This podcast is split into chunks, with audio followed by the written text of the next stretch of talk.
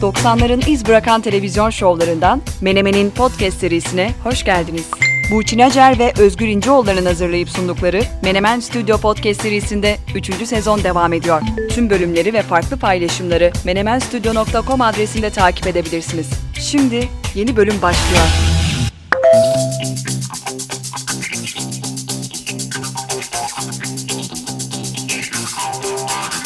Menemen Podcast 67. bölüme hepiniz hoş geldiniz. Kayıt günümüz 24 Kasım 2021 Çarşamba.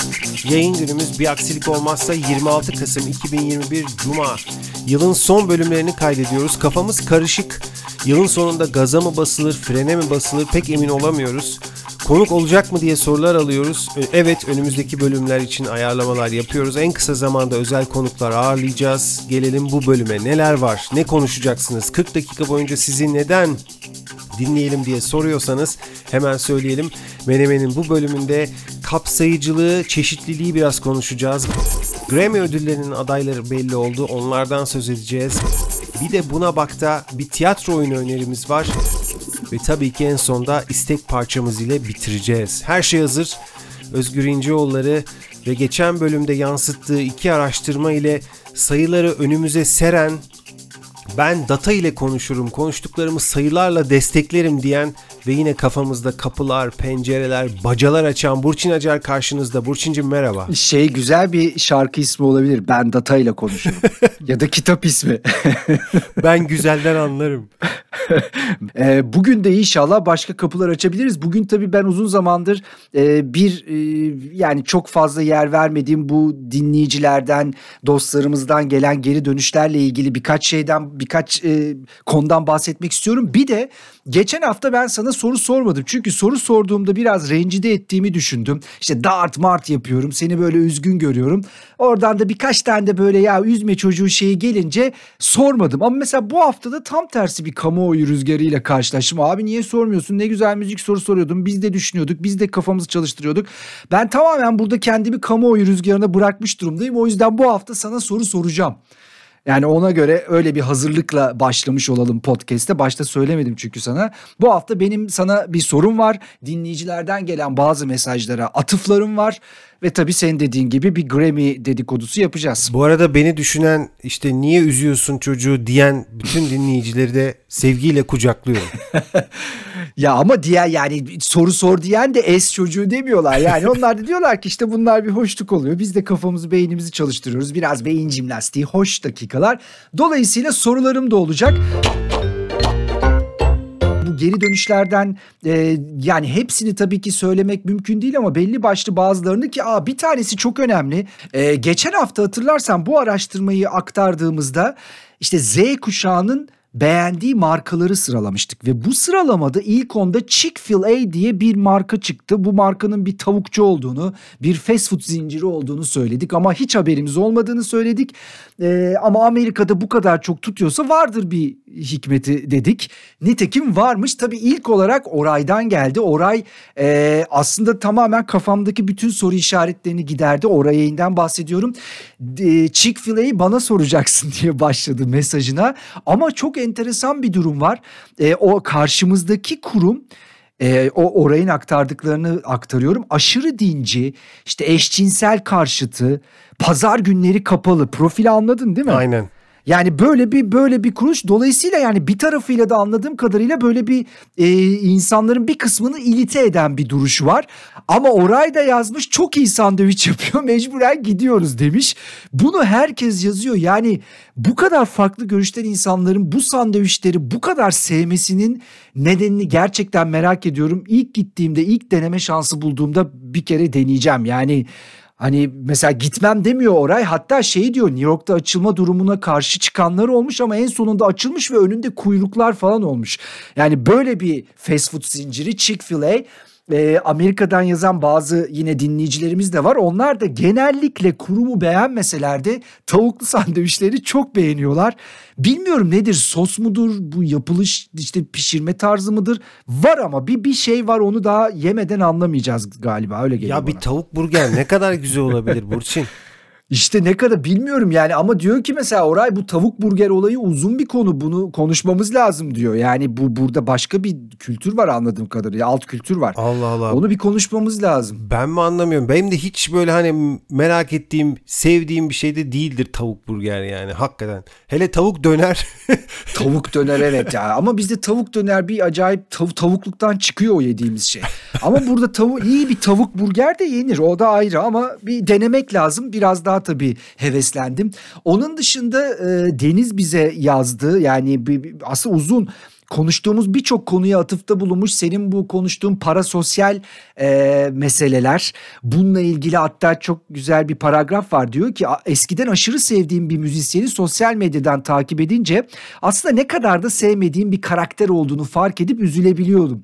Sonra bunları bilmeme ne gerek vardı diyordum haliyle. Yani bu aslında çok insanın yaşadığı bir şey. Yani böyle başka bir yere koyuyorsun izlerken, dinlerken, okurken sonra bir anda hayatın içine girmeye başladığın zaman başka bir profille karşılaşıyorsun. Bu ciddi bir hayal kırıklığı da yaratabilir. Ve bu, bu kısmı biraz altını çizmiş. Onun dışında işte bu e, Metaverse ile ilgili 5 duyumuzun 5'i de beslenmeden 6. duyumuzun beslenebileceğine tatmin olacağına pek inanmıyorum açıkçası demiş. Bu da beni boomer yapıyorsa varsın öyle olsun. Bilmiyorum yani bu bu ben de genel olarak bu görüşteyim ama bu, bunun hani toplam bir boomerlık olduğunu da çok düşünmüyorum. Biraz temkinli yaklaşmak diyelim. Metaverse ve parasosyalden bir önce hatta birkaç önceki e, podcast'imizde podcast'lerimizde bahsetmiştik. Dinleyicilerimize de hatırlatalım. Geçen bölümde ben de The Bee Gees'ten bahsederken e, Burçin falsettoya e, değinmiştim. Kadın sesi aralığı dedim. O sözcük o o söz grubunu kullandım. Çok tiz bir tonda söyledikleri parçalardan bahsederken müzisyen arkadaşım Ata dedi ki falsetto kadın sesi aralığı değildir, kafa sesidir dedi. Kadın da erkek de çıkarır dedi. Bir rockçı olarak da en iyi falsettoya örnek verdi.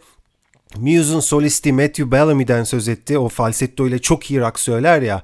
Ee, onu örnek verdi. The Bee Gees ve e, The Muse'u falsetto birleştiriyor Doğru yani. doğru. Bu arada rock demişken geçen programda konuşmuştuk. Arctic Monkeys biletleri ne olacak, nasıl alacak bu millet falan.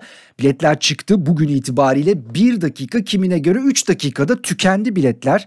Ee, tabii burada bazı soru yani nasıl olur da tükenir? Şimdi önümüzdeki günlerde bir takım kara borsa şeyleri çıkarsa burada çok ciddi tartışma olacak. Bilet fiyatları genel satış 748 en düşük bilet fiyatı 275 ama 275'in karşısında şu yazıyor. Kısıtlı görüş. Oturmalı kısıtlı görüş. Nereden bakılacak ve nereden görülecekse bir kısıtlılık var. O kısıtlılığın karşılığı 275 lira. Ee, dakikalar içinde bit, biten biletler üzülelim mi, sevinelim mi? Tam çözemedim kendi ruh halimi de ama bunu da buradan söylemiş olalım. Ee, ama bu işlerde sen de bilirsin genelde böyle zaman ilerledikçe bir takım biletler çıkar ortaya. İşte son biletler, fırsat biletleri falan biraz daha bakmak lazım.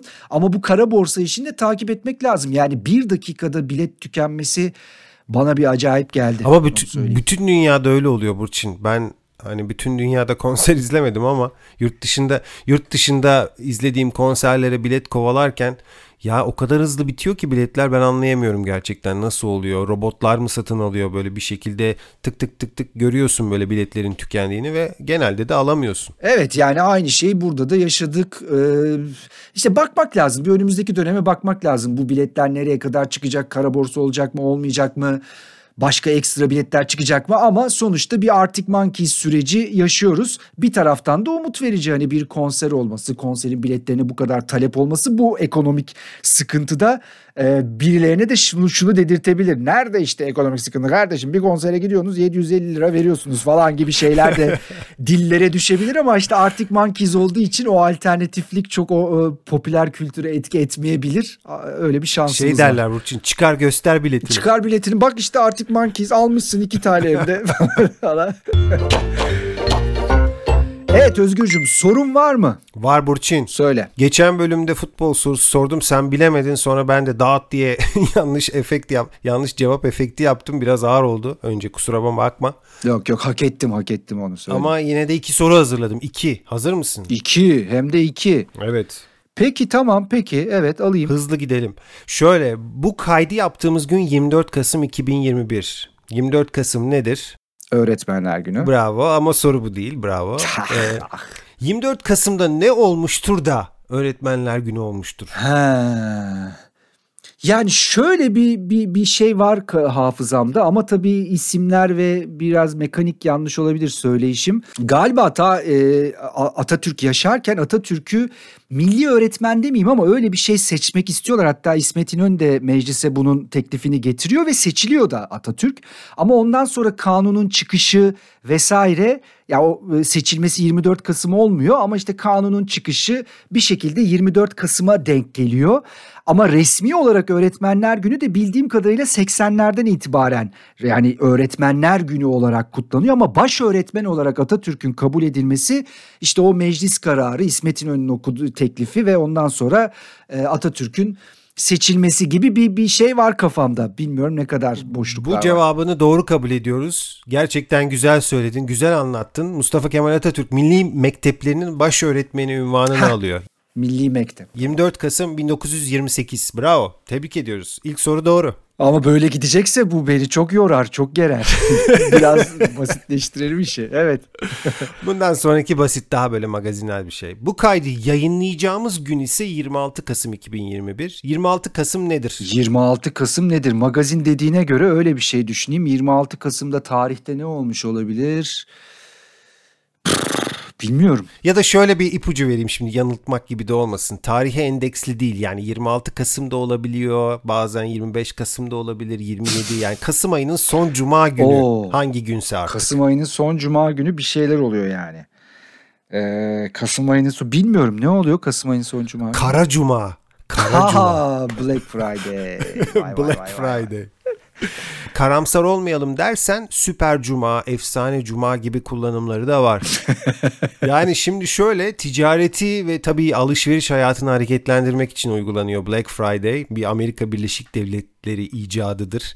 Şükran gününün ertesi günü oluyor. Noel alışveriş sezonunun da başlangıcı ilk günü olarak e, kabul ediliyor. İndirimler başlıyor. Pamuk eller cebe diyor herkes.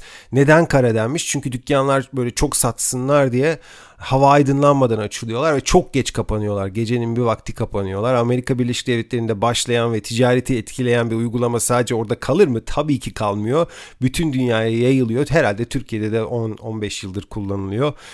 Bu şartlarda hala alışveriş konuşuyoruz. Bizimki de aslında iş değil ama e, evet Black Friday 26 Kasım. Tamam bunu da öğren. Ben Black tabii Black Friday'i biliyorum ama her sene Kasım ayının sonu gibi kafama kodlamamışım. O zaman sıra bende. Hızlı bir şekilde sana sorumu soruyorum. Hazır mısın?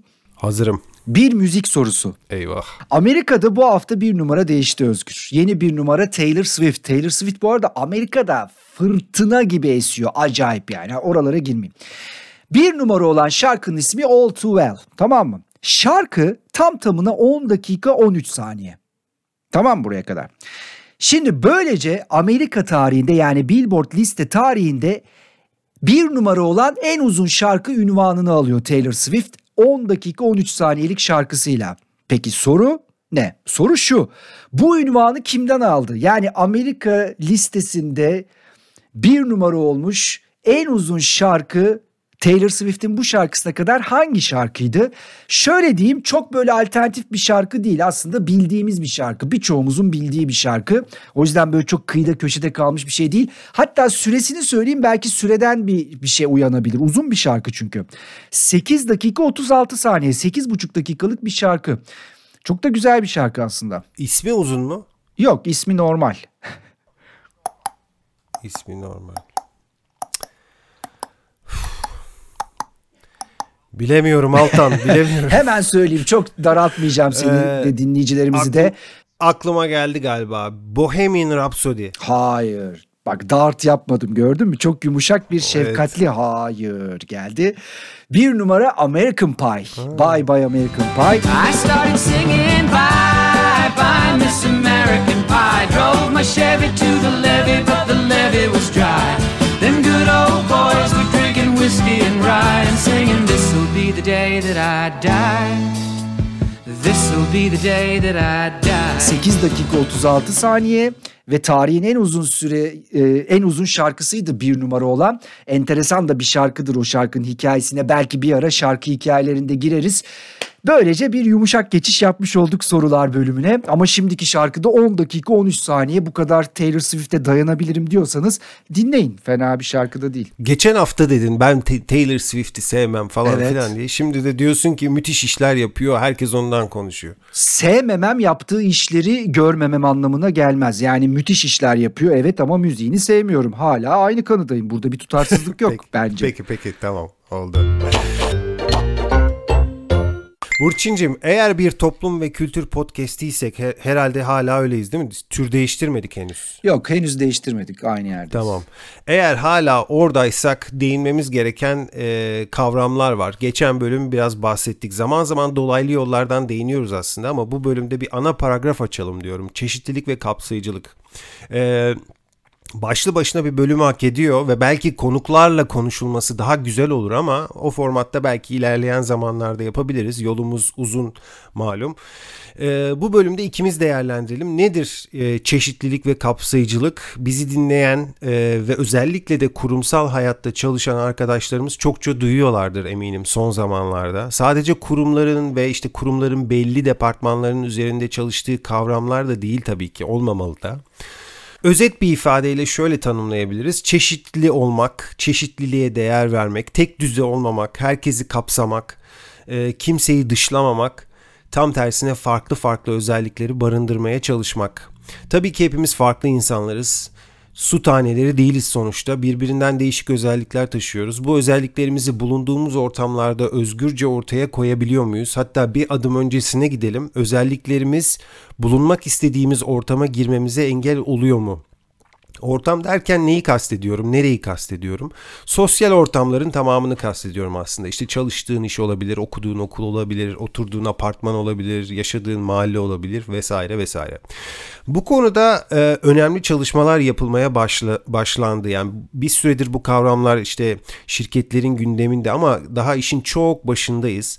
Hani derler ya bir fırın ekmek yememiz lazım. Aslında kapsayıcılık ve çeşitliliği e, yaşam prensibi haline getirmemiz lazım. E, bunun için de bu değerlerin en başında eğitimin içinde yer alması gerekiyor.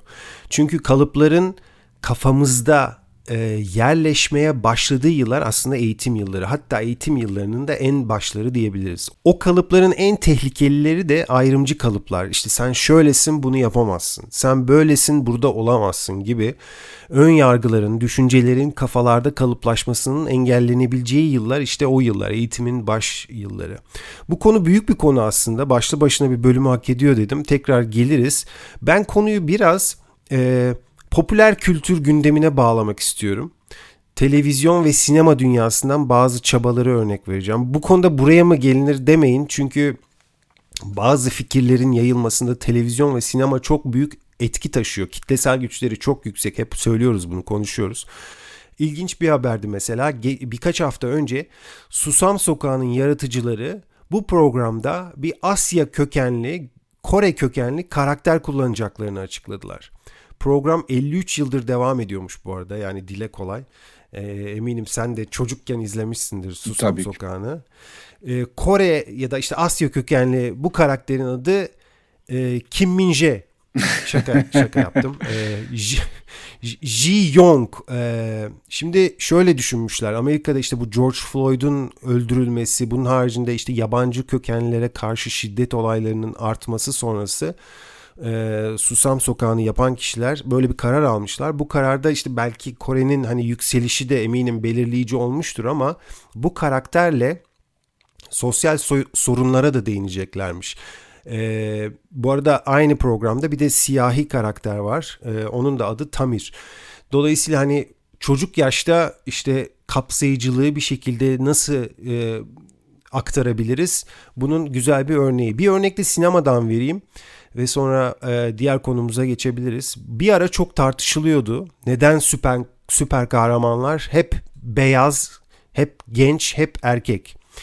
Ee, bir kadın süper kahraman neden yok? Bir siyahi süper kahraman neden yok? Aslında çizgi roman dünyasında bu örnekler vardı ama sinemaya yansımıyordu. Sonra stüdyolar bu konuda bir hamle yaptılar. Wonder Woman, Black Panther e, bu karakterler beyaz perdeye taşındı, taşındı en sonunda.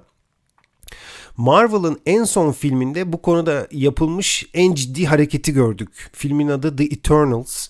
Ee, bu film Marvel sinema evreninde en çok konuşulan ya da en başarılı film olmadı ama en kapsayıcı film olarak tarihe geçti bence. Ee, filmin tadını kaçırmadan bahsedeyim.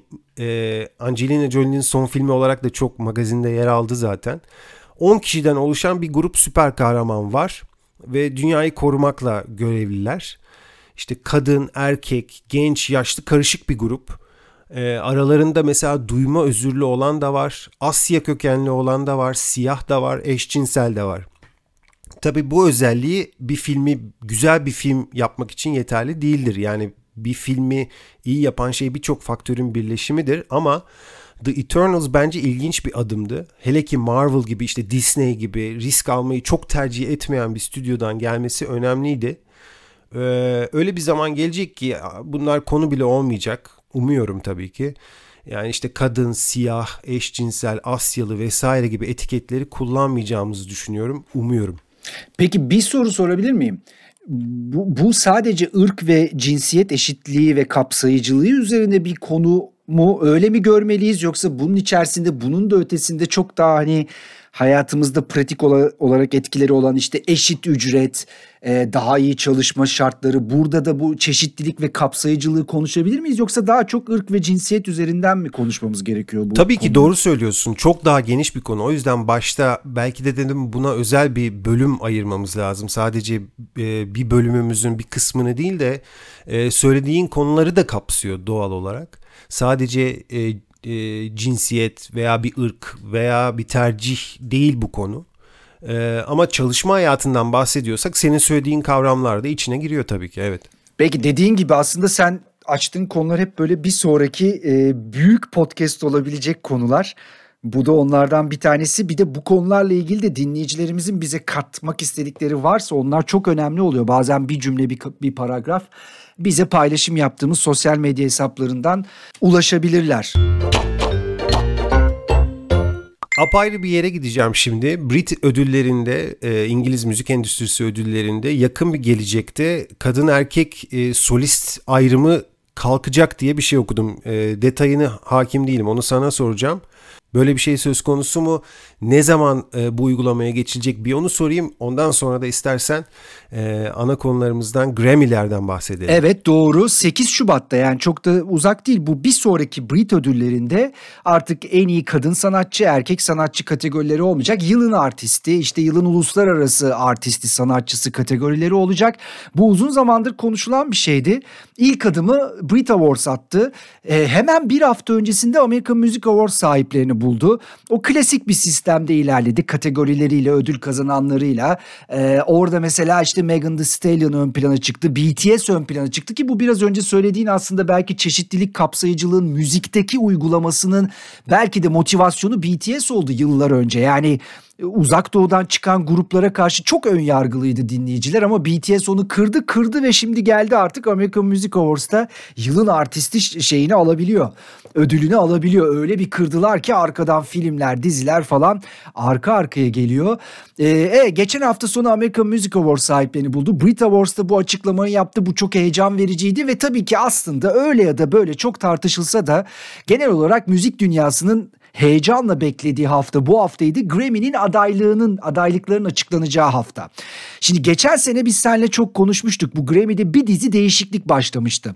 İşte bu kurulla ilgili başkan değişmişti. Ee, işte bu Big Four dediğimiz dört büyük kategorideki adaylıkların seçiminin daha şeffaf hale getirilmesi, kadın adayların ön plana çıkarılması, tabii ki hak, hak eden kadın adayların ön plana çıkarılması, işte bu oylama havuzunun genişletilmesi gibi gibi gibi bir sürü adım atmışlardı. Bu adımları attıkları sene The Weeknd'e aday göstermeyerek aslında çok büyük de bir darbe yediler. Geçen sene attıkları adımlar değil The Weeknd'in nasıl aday göstermedikleri çok konuşuldu ki haklılardı. Bu sene mesela The Weeknd'e 3 tane adaylık vermişler ki albüm falan çıkarmadı bu sene. Ee, şimdi bu sene biraz sonra şu adaylara bakarız bir konuşuruz ama bence bu sene de bu değişim için attıkları geçen yıl başlayan adımların alt üst olması mümkün. Çünkü bazı adaylıklar daha bugünden itibaren yani daha dün açıklandı adaylar Bugünden itibaren çok konuşulmaya başlandı, tartışılmaya başlandı. Özellikle kadınlar konusundaki hassasiyete bu adaylıklar ortaya çıktığı zaman inanmayanların sayısı arttı diye düşünüyorum. Neden olduğuna birazdan geleceğim. Önce istersen teknik olarak bir kategorilere bakalım. Bu sene o en çok adaylığı çok enteresan. Genelde popüler müzik ve bunun etrafındaki isimler alır.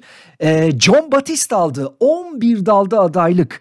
Kendisi aslında jazz kökenli, New Orleans kökenli. Hatta son e, Pixar'ın solunu solunu izlediyseniz orada dinlediğiniz müziklerde onun katkısı var. 11 adaylık da hiç az bir adaylık değil. Hatta e, bir talk show'da da çıkıyor. Hangisiydi? Stephen Colbert galiba talk show'unda. Orada da işte oradaki müzik ve orkestra yönetiyor. Sen bilirsin diye düşünüyorum. John Batiste 11 dal caz adaylığı. Valla çok çok iyi biliyorum. Çok da seviyorum. Ee, Oscar ödülünü de kazandı. Trent Reznor'la beraber kazandılar yanlış hatırlamıyorsam. Solda on, onlar da vardı. Ee, üçüncü kişinin adını unuttum Burçin hatırlatır mısın? Atticus Ross, Trent Reznor, Bravo. John Batiste. Bravo. 11 adaylık yani muazzam bir şey. Bir caz müzisyeni için 11 Grammy adaylığı muazzam. Ee, solo yaptığı We Are diye bir albümü var. Harika gerçekten. Evet. Ee, çok sevindim gerçekten bu habere.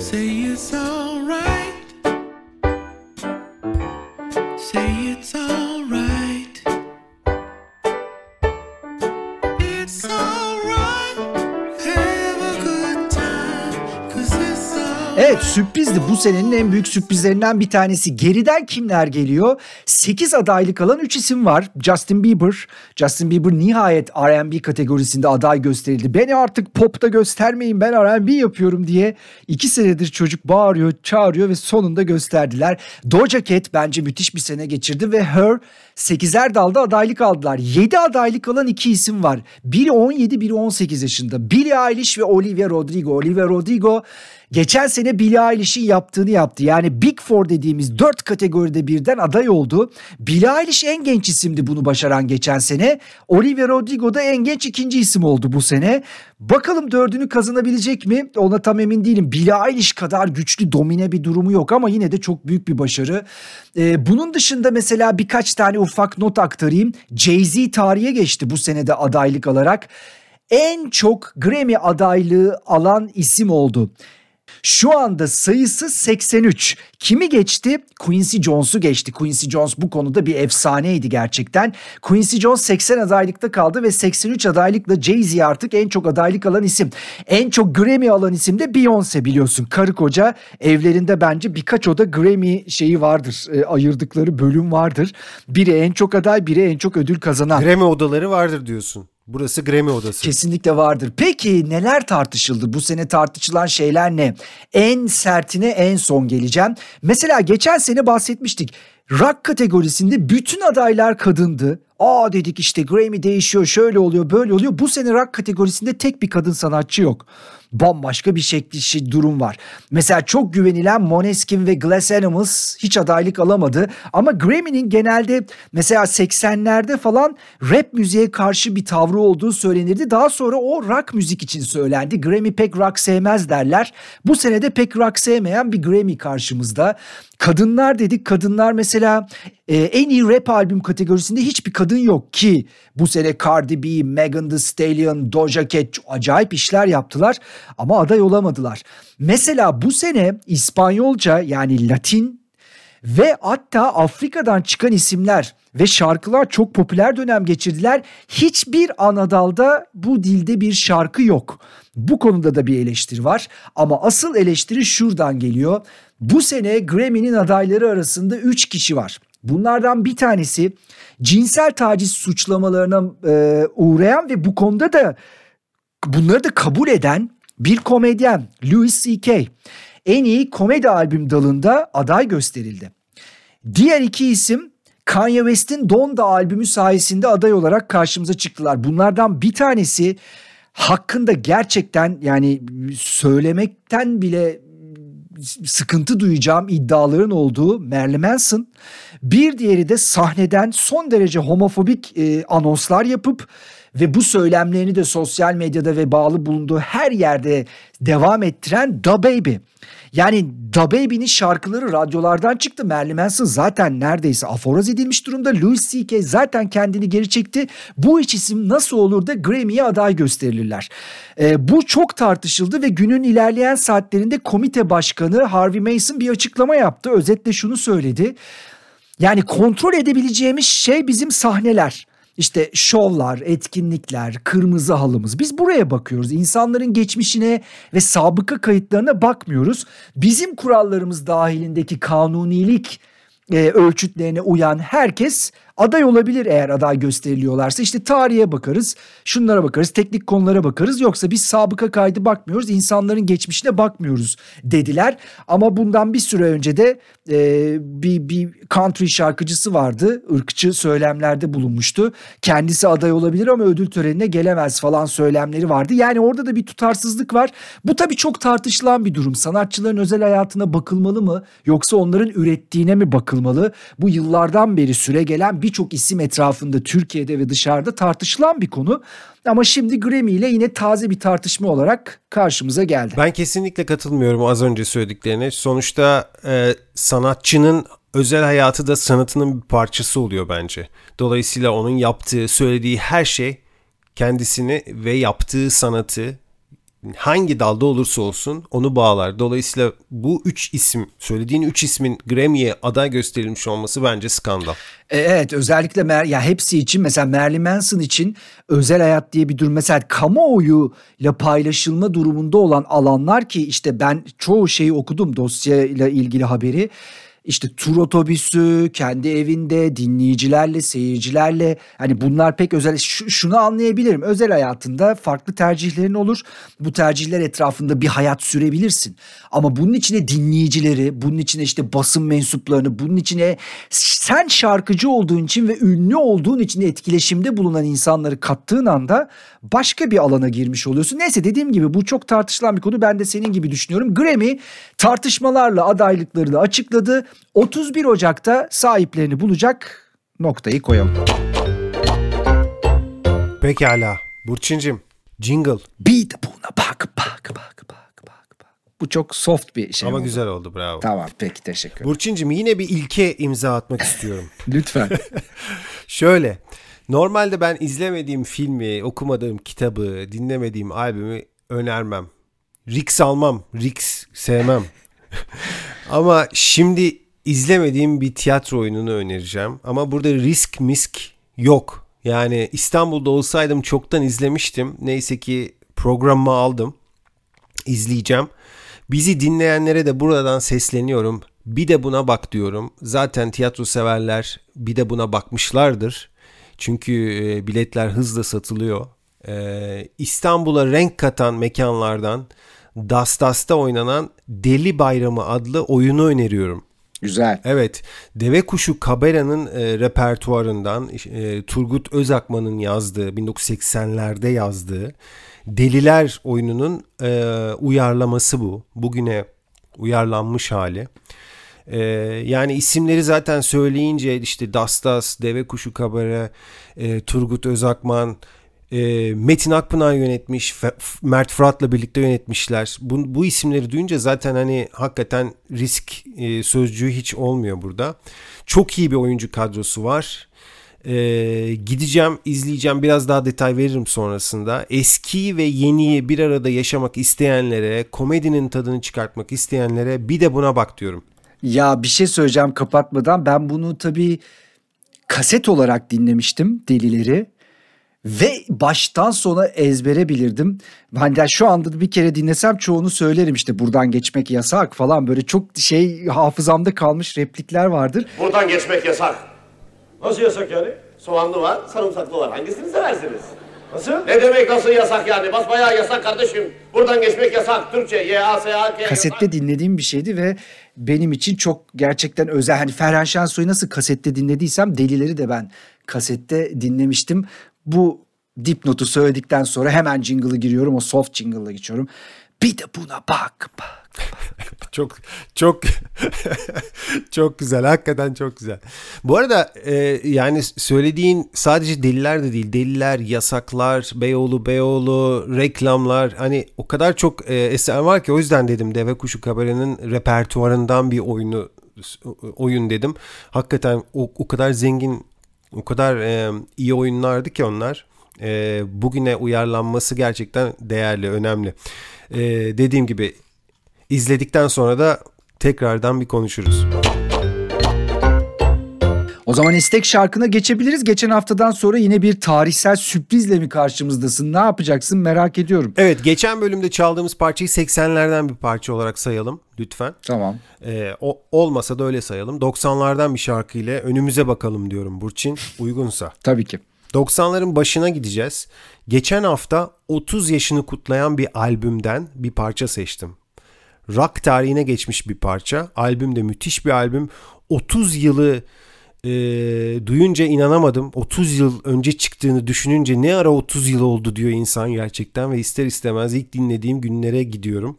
Zaten e, tarihe de böyle geçiliyor herhalde. Yani yaptığın ortaya koyduğun eser yıllar sonra hala beğeniliyorsa, dinleniyorsa, okunuyorsa, izleniyorsa, hayran olunuyorsa e, böyle tarihe geçiyorsun.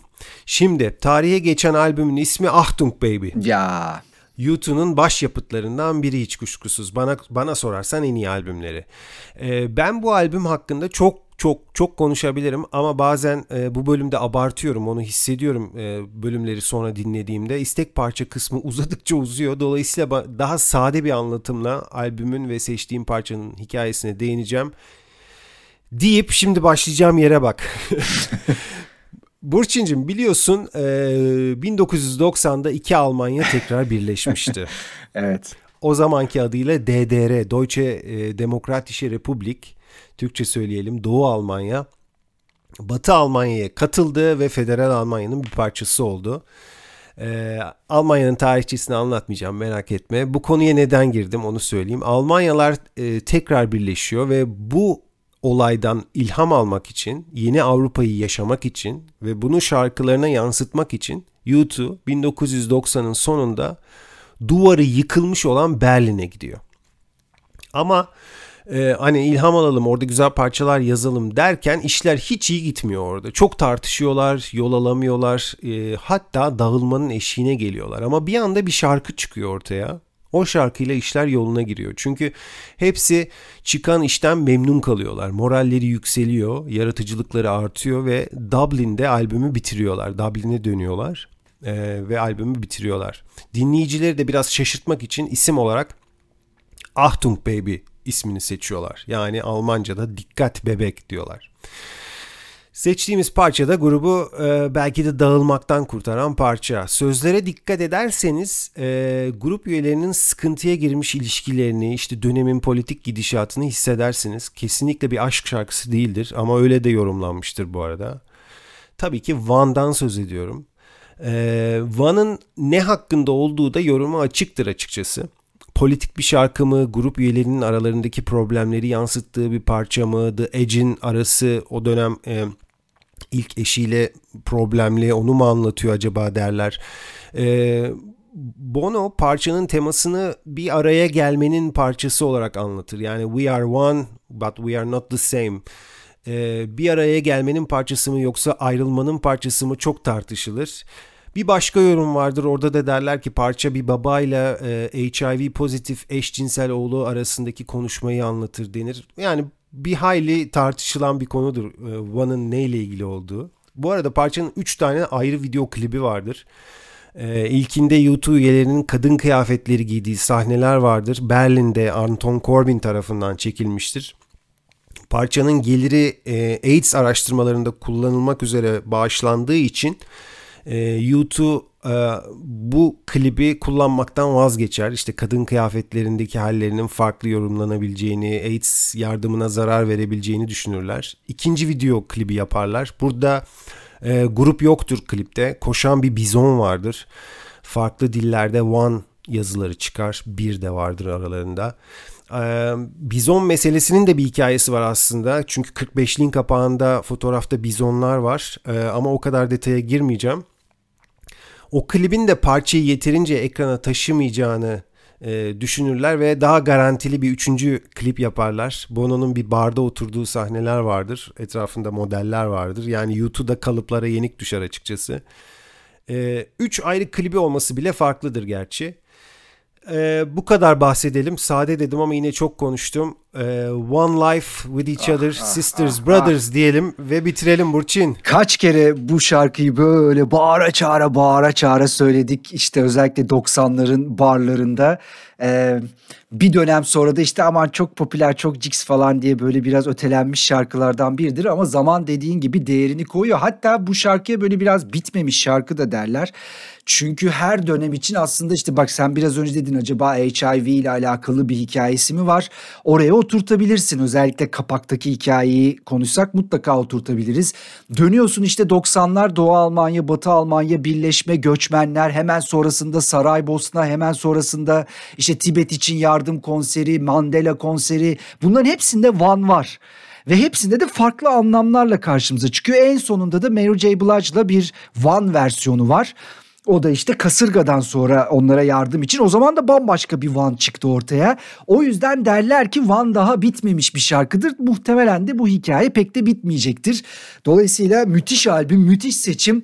Birçok dinleyicimiz gibi ben de böyle şey yapacağım, e, eşlik edeceğim o kısma nakarata. Evet One Life with Each Other diyoruz. U2 One. Önümüzdeki bölümde buluşmak üzere. Hoşçakalın. Görüşmek üzere.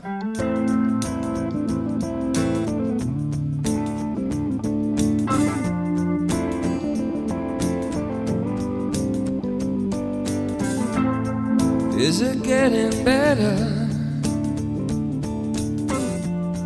Or do you feel the same?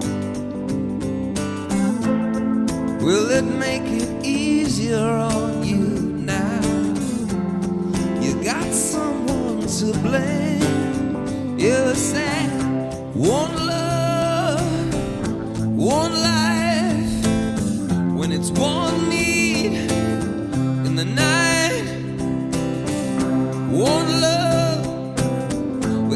share it.